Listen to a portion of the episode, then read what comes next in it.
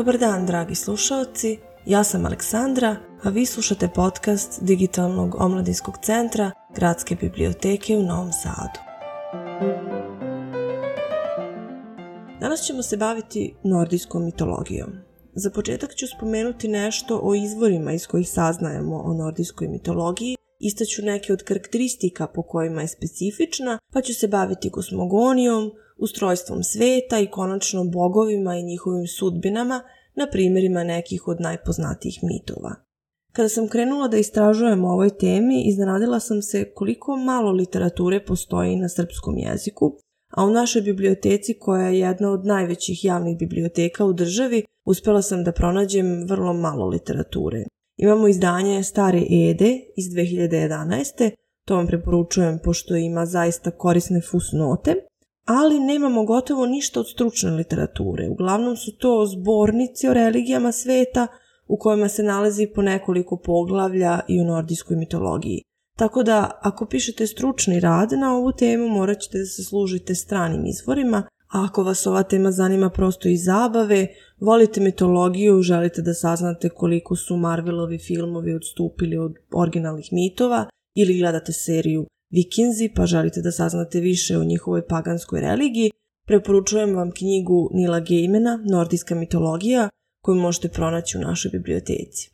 Knjiga je vrlo pitka, priče su ispričane hronološki, koliko je to moguće, i narativ je prilično veran mitu, a istovremeno i prilagođen prosječnom čitaocu.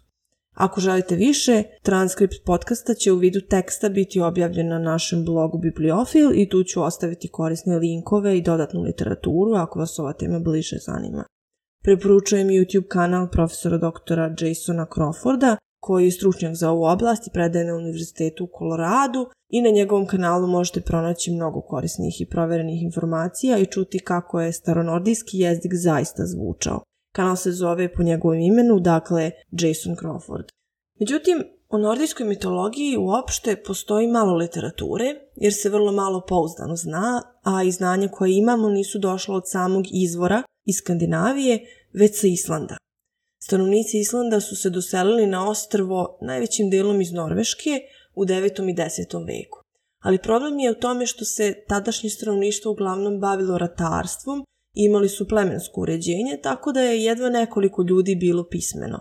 Religija i mitologija su se u to vreme prenosile usmenim putem, a nakon toga je stanovništvo hristijanizovano, tako da je ostalo jako malo pouzdanih zabeleženih podataka.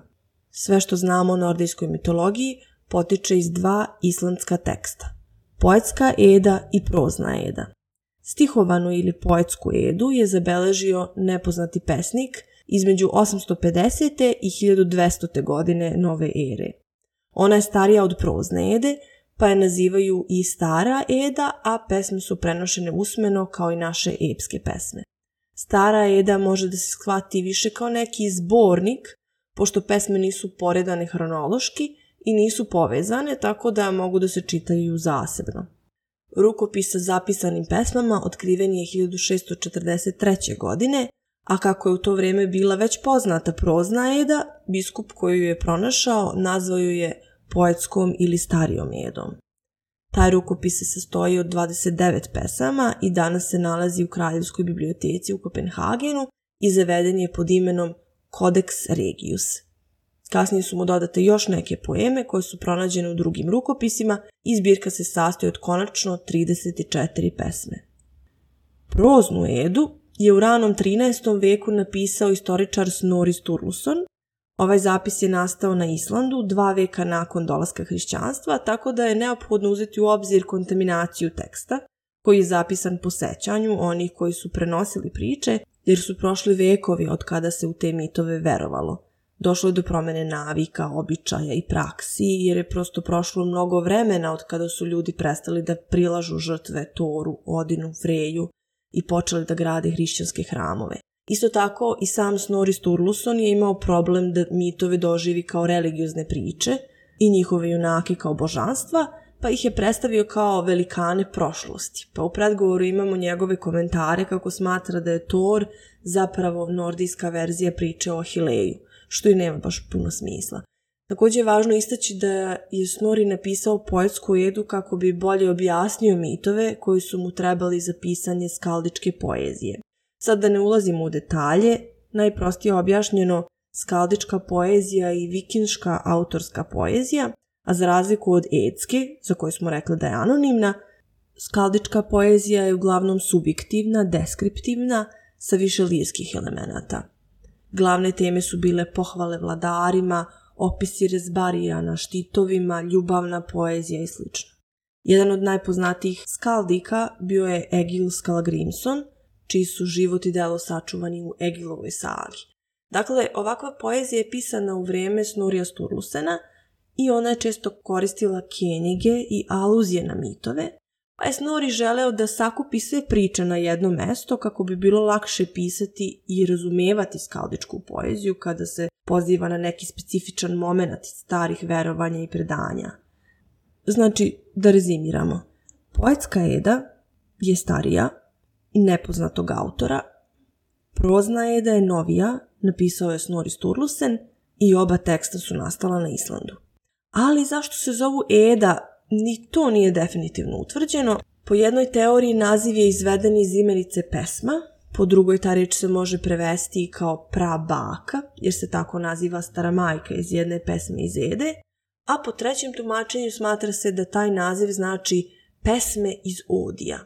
Odi je mesto na Islandu gde je odrastao i školovao se Snorri Sturlusen o kojem smo govorili, a kako je u ovom tekstu citirao stihove iz poetske ede, jasno je bilo da je poznavao i poetsku edu, tako da neki proučavaoci smatraju da je primjerak starije ede postojao na univerzitetu u Odiju i da je njen tekst sakupio i zapisao Semund Mudri koji je osnovao ovaj univerzitet. Ali to je naravno samo teorija. Verovatnije je da je Snori prosto znao na pamet pesme koje je citirao iz usmene tradicije. E sad, Da li su priče nastale u Norveškoj, pa su ih doseljenici preneli na Island, pa su tu zabeležene ili su nastale na Islandu, takođe ne može pouzdano da se utvrdi.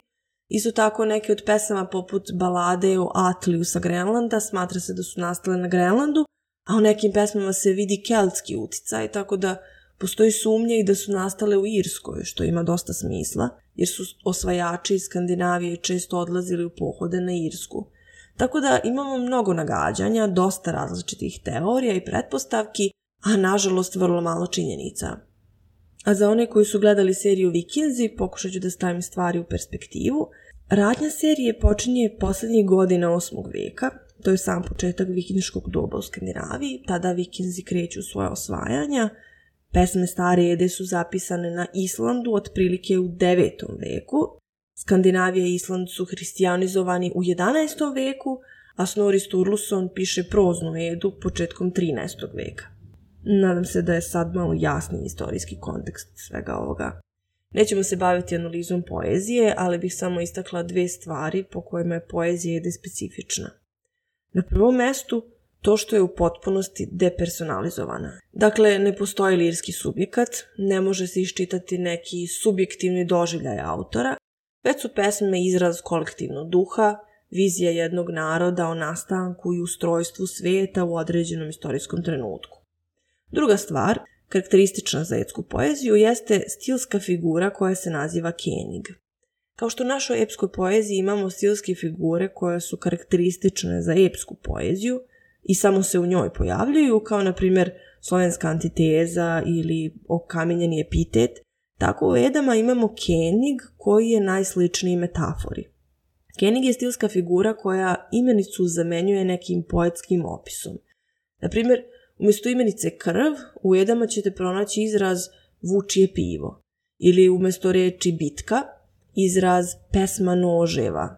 Međutim, stvari se sa keningom malo komplikuju jer ih je nekad teško dešifrovati ako niste dobro upućeni u mitologiju. Naprimjer, da biste znali što znači izraz Hildin Creek, morate znati da je Hild jedna od valkira, da su valkire Odinove ratnice i da taj izraz zapravo znači boj. Meni je recimo bio interesantan kjenig koji je napisao Egil Skallagrimson, vikinški pesnik iz 10. veka, koji je nazvao inspiraciju poplavom velikog Odina što je opet povezano sa pričom o tome kako je Odin došao do vina poezije, ali o tome ćemo malo kasnije govoriti. Kada smo kontekstualizovali temu i istakli neke od najbitnijih karakteristika, hajde sada da se pozabavimo nordijskom kosmogonijom. Ko su vrhovni bogovi, kako su nastali, koje su njihove osobine i kako je nastao kosmos. Na samom početku, kaže pesnik, nije bilo ničega – nit pesk, nit pučine, ne beše ni talasa. Zemlja ne postojaše, niti nebo iznad, ni trave ne beše, samo Ginungagap. Ginungagap je nekakav primordijalni, magloviti, prazni, i hladni ponor. Snori nam daje malo više detalja. Kaže, na jednoj strani tog ponora se nalazio Niflheim, hladni prostor sa izmaglicom i vodom, a sa druge strane Mauspel, ispunjen ognjem. I sad, voda iz Niflheima je oticala u Ginungagap, odnosno taj hladni ponor, i tu se pretvarala u led.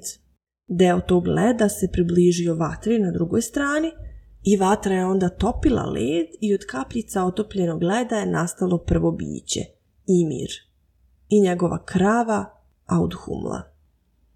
Imir se hranio mlekom od ove krave, a preko noći se znojio i od tog znoja su nastala prva bića, jotnari, odnosno divovi. A krava je lizala led iz Gigungnagapa i tako je stvorila treće biće koje se zove Buri. Buri je predak plemena Asir i njegov sin Bur sa divovima koje je stvorio Imir rađa Odina, Vilija i Vea.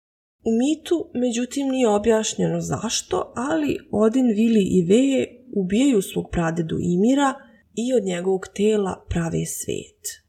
Od mesa su načinili zemlju, od kostiju planine, od zuba stene, od krvi koja je potekla nastaju mora i okeani, a od trepavica grade ogradu oko Midgarda. Od Imirovog mozga su nastali oblaci, a lobanja je postavljena iznad Midgarda – i od nje je nastalo nebo. Tu lobanju, odnosno nebeski svod, drže četiri patuljka i oni se zovu istok, zapad, sever i jug. E sad, odakle potiču ti patuljci? Pazite sad. Bogovi su u Imirovom mesu, od kojeg su načinili zemlju, pronašli crve i od njih su stvorili mala bića slična ljudima. E, ti patuljci su dobri kovači i upravo oni su iskovali Torov čekić i Odinovo koplje, ali o tome ćemo malo kasnije govoriti detaljnije.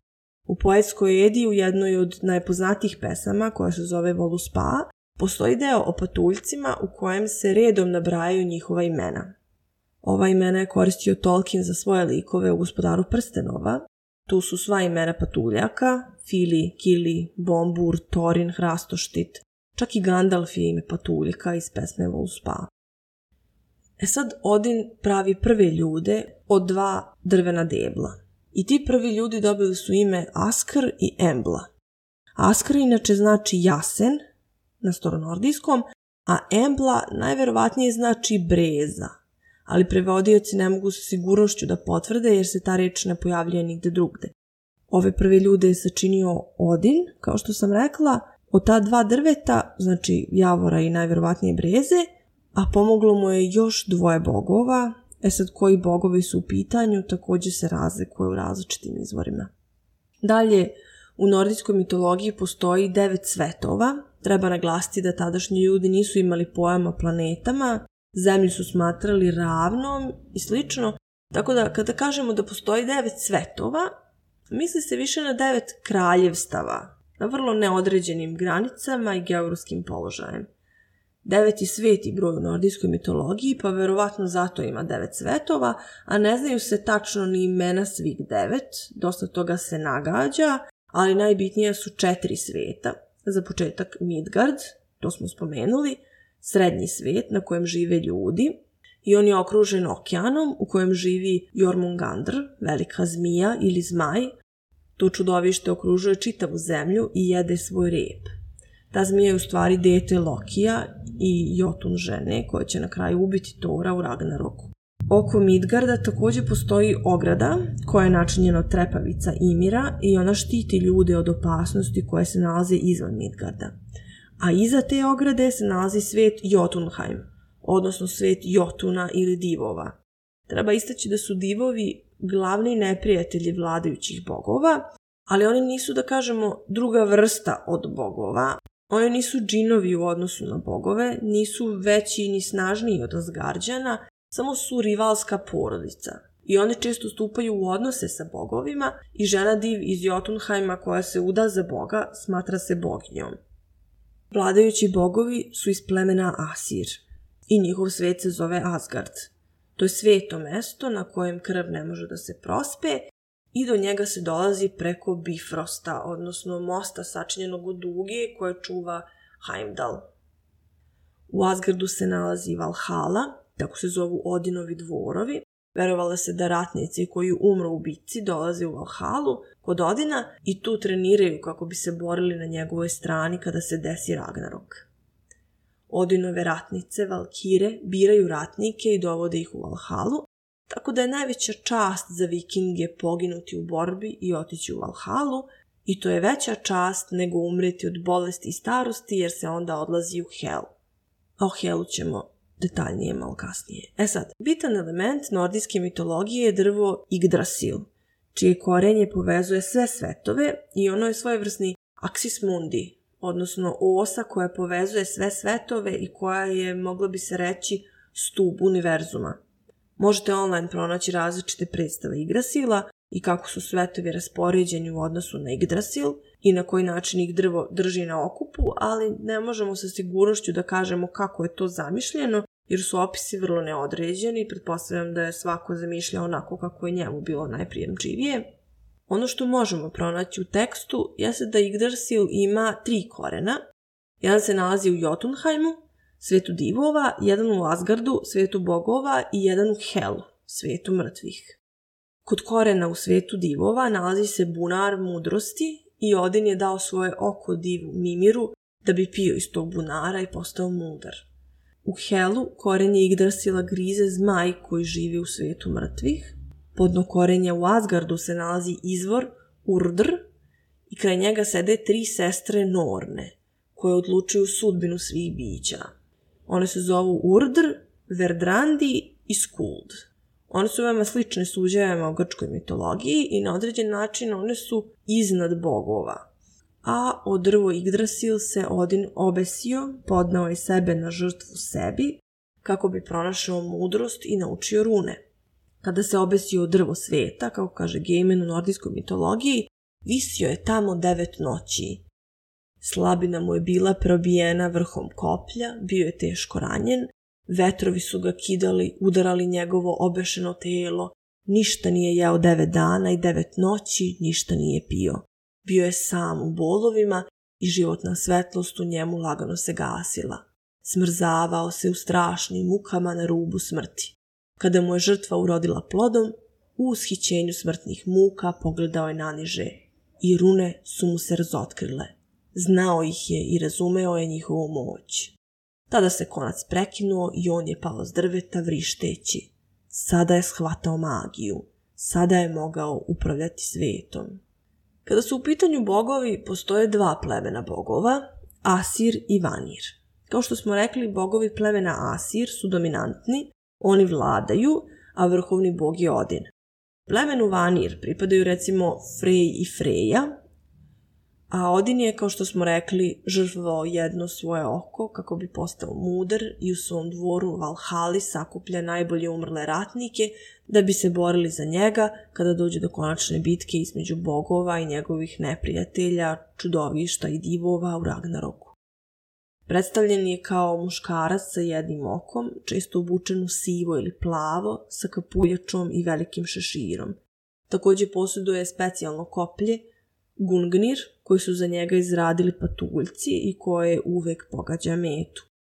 Jaše konja sa osam nogu koji se zove Sleipnir. Interesantna je priča o poreklu tog konja, jer je njegova majka Loki, Pošto je Thor najjači bog, on je zaslužen da štiti Asgard od neprijatelja, ali je Thor često odsustvovao jer je odlazio u razne avanture i u bitke sa divovima, pa su se bogovi uznemirili jer se nisu osjećali bezbedno, pa su odlučili da sagrade velike zidine koje će ih zaštititi od napada.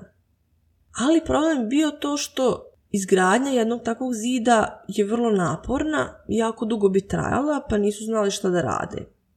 U tome se pojavio neki stranac koji je čuo šta bogovi žele, pa im je predložio da im sagradi taj zid i za uzrat oni treba da mu poklone sunce, mesec i prelepu boginju Freju. Bogovi su naravno želeli da odbiju, ali ih je Loki ubedio da nemaju bolju alternativu i da je najmudrije da prihvate strančeve želje, ali da mu postave uslov da mora sagraditi zid u nemoguće kratkom roku. Tako on neće moći ispuniti uslov i neće dobiti isplatu koju je tražio, a bogovi će dobiti skoro gotov zid. I oni poslušaju Lokija. Međutim, ubrzo shvate da su se prevarili jer stranac izgleda nije bio običan čovek, jer je bio veoma snažan i njegov konj je očigledno bio poseban, jer je prenosio neuporedivo više kamenja nego običan konj i bio je mnogo brži od običnog konja.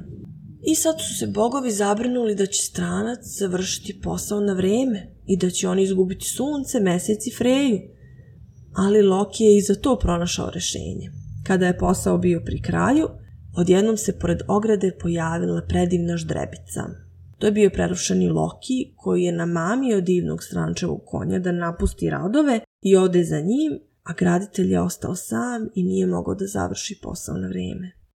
Tako da su bogovi dobili svoj zid, a nisu izgubili ništa od dogovorenog. Ono malo što je ostalo da se dovrši, završili su sami, ali kažu taj deo zida nije bio tako lep i snažan kao deo koji je stranac sagradio. U svakom slučaju, nakon nekog vremena, se vratio Loki sa čudesnim mladim ždrebetom od osam nogu i poklonio ga Odinu. I to je priča kako je Odin dobio svog čarobnog konja od osam nogu. Odin također ima dva gavrana, Hugin i Munin, što u prevodu znači misao i sećanje, i oni su njegovi glasnici, lete po svetu i prenose vesti Odinu. Takođe ima dva vuka, koja čuva kao ljubimce. Zanimljiva je priča kako je Odin ukrao vino poezije od džinova. Naime, Asi i Vani su sklopili primjerje i tom prilikom su pljunuli u činiju i u te pomešane pljuvačke su stvorili čoveka kome su dali ime Kvasir. To je bio najmudriji bog koji je, kako priča kaže, koristio i glavu i srce. Putovao je po svetu i pomagao ljudima svojim znanjem i mudrim savetima, dok ga nisu ubila dvojica zlih vilenjaka i sedela njegovu krv i od nje napravila vino poezije ili ti pesničku medovinu, zavisi od prevoda, odnosno od reir. Njih je onda iz osvete kidnapovao Džin Sutung, jer su oni ubili njegove roditelje, i da bi se spasli morali su da mu predaju medovinu poezije. On je medovinu sakrio u središtu planine i ostavio svoju kćer Gunlod da je čuva.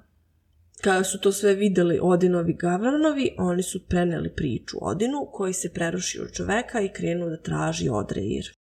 Prvo je naišao na njivu koja je pripadala Sutungovom bratu, na koju su ljudi kosili, On im je naoštrio kose i prevario ih da se međusobno iseku i umru. Onda je otišao kod Sutunovog brata i ponudio se da mu odradi sve poljske poslove na vreme u zamenu za gutljaj od Reira. Džin je rekao da će pokušati da mu pomogne, ali da se zavisi od Sutunga, a Sutung nije hteo ni da čuje bratove molbe i nije dozvolio neznancu da okusi njegovo vino.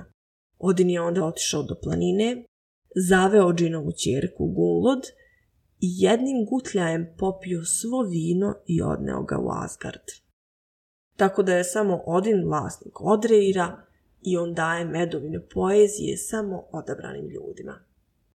Kao što smo videli u ovoj priči, Odin voli da se prirušava i u tim prilikama se predstavlja kao sivobradi, zločinilo i sl. Evo šta kaže Geimen u nordijskoj mitologiji, Odin ima mnoga imena. On je sve otac, gospodar ubijenih, bog vešala. Bog je tovara i zarobljenika. Nazvan je Grimnir i treći.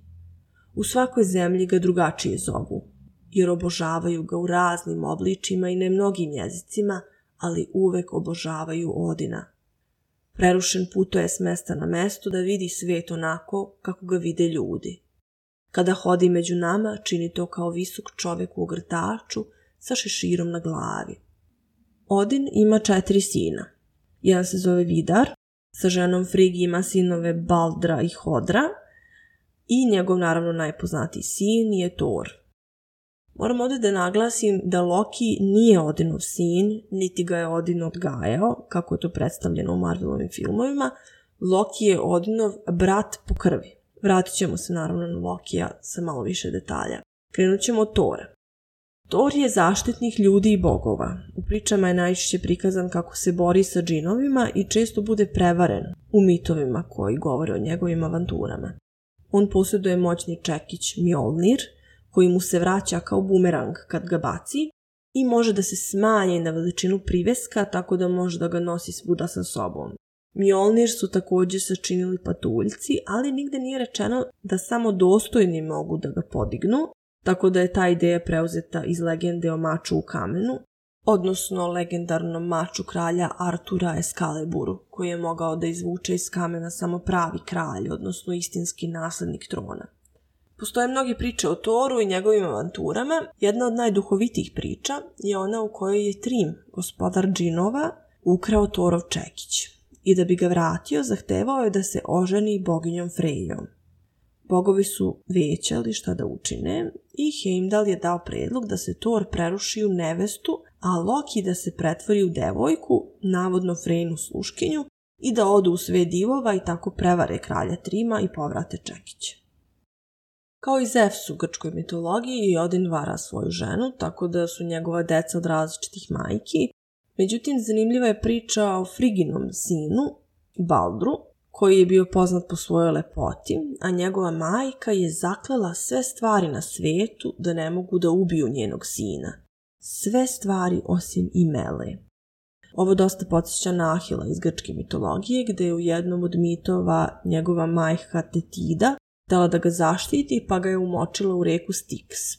Ali ga je držala za petu, pa mu je samo to mesto ostalo ranjivo kao Jahil i Baldr strada, uprkos trudu svoje majke.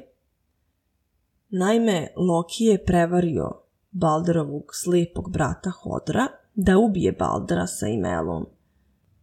Ali je Odin nakon toga spavao sa ženom Rindr, koja mu rodi sina Valija, koji kako bi osvetio brata, ubija slepog Hodra jednu noć nakon svog rođenja što je prilično neobična priča, pa sam morala da je spomenem. Konačno smo stigli do Lokija.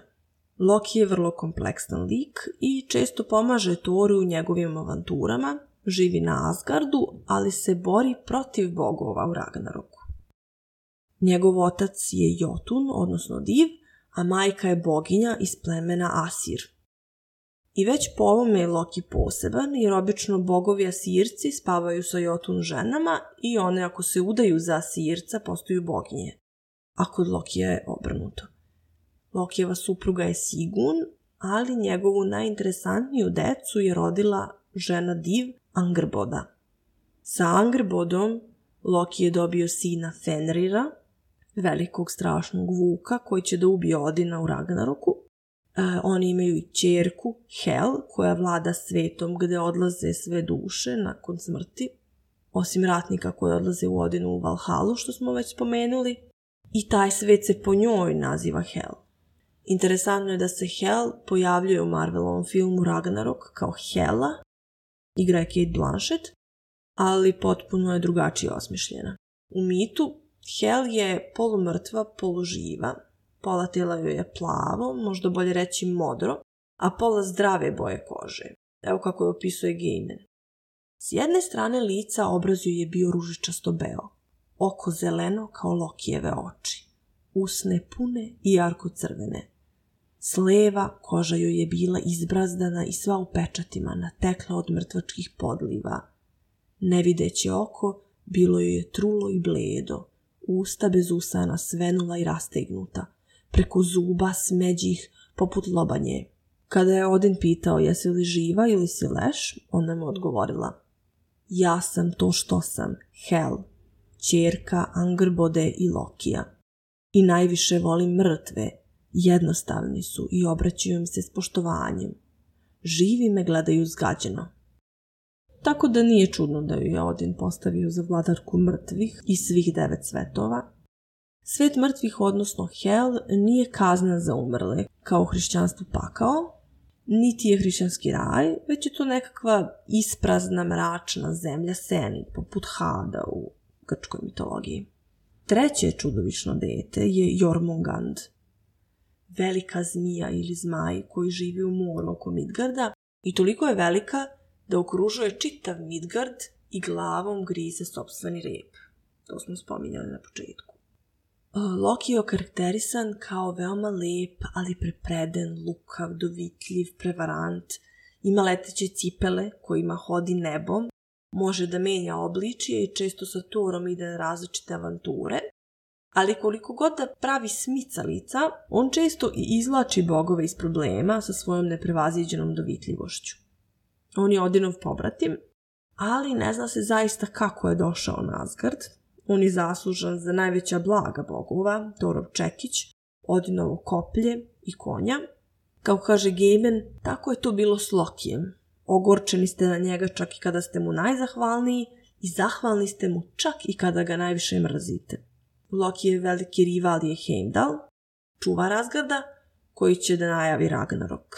Kao što sam napomenula, u posljednjoj bitki Loki će se boriti protiv bogova Asgarda, što i nije čudno jer su bogovi njegovu decu smatrali čudovištima pa su ih proterali ili zarobili, a i samog Lokija su kaznili za njegove smicalice i nedela tako što su ga vezali utrobom njegovog mrtvog sina Narfija, pa su tu utrobu pretvorili u neraskidive lance, a iznad glave su mu stavili zmiju čiji otrov mu je kapao u oči i na lice od čega se previjao u mukama.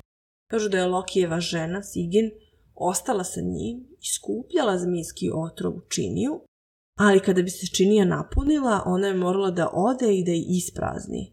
I tada bi otrov padao na Lokijevo lice i on bi se strašno otimao i uvijao u mukama i zato bi se u Midgardu javili zemljotresi. I to je trajalo sve dok nije nastupio Ragnarok. I sa Ragnarokom kraj sveta. Tako da, osjećaj fatalizma je vrlo prisutan kroz mitove. Sve priče o kojima sam govorila su se desile u drevnim vremenima, a jedino što nas čeka u budućnosti je Ragnarok. A Ragnarok to je konačna bitka između bogova na jednoj strani i Jotnara i čudovišta na drugoj. Ta bitka će započeti beskrajnom zimom na zemlji i ljudi će biti gladni i iscrpljeni i počeće mnogi ratovi u kojima će ljudi stradati i nastaće sveopšte uništenje. Malo ljudi koji prežive, živeće kao životinje i nestaće sunca i meseca i čitav svijet će biti obavijen tamom. Nakon toga će nastati snažni zemljotresi i veliki vuk Fenrir će se osloboditi lanaca, onda će se podići mora i nastaće velike poplave, otrov će poteći iz zmije Jormungand, od koga će onda umreti sve ribe i otrovaće i vazduh, pa će pomreti i sve ptice. Sinovi muspela, odnosno ognja koji se nalazio s jedne strane i gumnagapa što sam spomenula u početku kada sam govorila o nastanku sveta, oni će doći na zemlju na čelu sa surtom, divom vatre i uništiti dugi most Bifrost. Loki će se takođe osloboditi od lanaca, pa će dovesti Helinu vojsku mrtvaca tako da će se udružiti divovi, sinovi ognja, mrtvaci i Lokijeva deca protiv bogova Asgarda. To će sve vidjeti Heimdall, dunuće u svoj rog Gjalahorn i probuditi bogove i onda će započeti bitka. Odin će se boriti sa Fenrirom, Lokijevim sinom, ogromnim snažnim vukom koga su bogovi okovali jer su se bojali njegove snage. On će progutati Odina, pa će Odinov sin Vidar ubiti Fenrira, Thor će ubiti veliku zmiju Jormungand i zmija će ispustiti veliku količinu otrova iznad Tora i njen otrov će ga ubiti.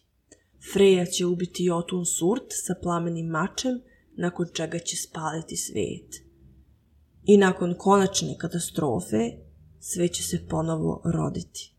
Neki bogovi će se ponovo vratiti, na primjer Balder i njegov slepi brat Hod – Vidar koji je osvetio Odina će se vratiti, Vali koji je osvetio Baldra će se takođe vratiti, Torova dva sina, Modi i Magni, a vatra koja je uništila Midgard neće uništiti Yggdrasil, drvo života, a unutar njega će se sakriti dvoje ljudi koji će ponovo napuniti zemlju svojim potomstvom. I pored svega toga, zli zmaj koji glođe korenje Igdrasila u Helu će takođe preživjeti Ragnarok, što znači da će zlo takođe da preživi. Tako da, novi svet koji nastane posle Ragnaroga neće biti utopija ili neki raj, već ponovno svet sličan našem, jer zlo će i dalje postojati. Sve ove priče ispričane su na staronordijskom jeziku i to je germanski jezik kojeg su se razvili svi moderni severnogermanski jezici. Ja nisam lingvista, tako da neću ulaziti u tu priču kako ne bih pogrešno protumačila činjenice. Ako se neko od vas koji slušate više bavi o germanskim jezicima i njihovim poreklom, pišite nam. Bilo bi lepo da objavimo tekst o tome na našem blogu, pa ako ste zainteresovani pišite nam na e-mail gbns.doc.com Meni je tema veoma interesantna, pa bi bilo drago da pročitam barem neku skraćenu i sažvakanu verziju.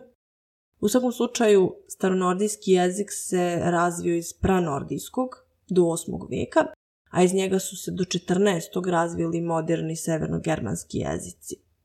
Ono što mi je bilo posebno interesantno jeste to što norveški, danski i švedski imaju dosta sličnosti među sobom, ali moderni islandski recimo se najviše razlikuje od ovih jezika i najviše liči na staronordijski. I zapravo islandski je jedan od najkonzervativnijih jezika na svijetu, jer se kroz istoriju jako malo menjao i gotovo da nema pozemljarice iz drugih jezika, što je fantastično, jer moderni islandjani mogu da u originalu čitaju vikinške sage. Njihov jezik se jeste izmenio, govor je drugačiji, ali su govornicima modernog islamskog tekstovi na staronordijskom razumljivi, što je fenomenalno. Zamislite da mi sada možemo u originalu da čitamo i razumemo staroslovenski ili bar srpskoslovenski. I, dragi slušalci, to bi bilo sve u današnjem podcastu. Uživajte u čitanju, čitajte mitove jer su veoma maštoviti. Iz njih se razvila književnost, a mi se čujemo ponovo za mesec dana – sa nekom novom temom iz književnosti. Prijatan dan!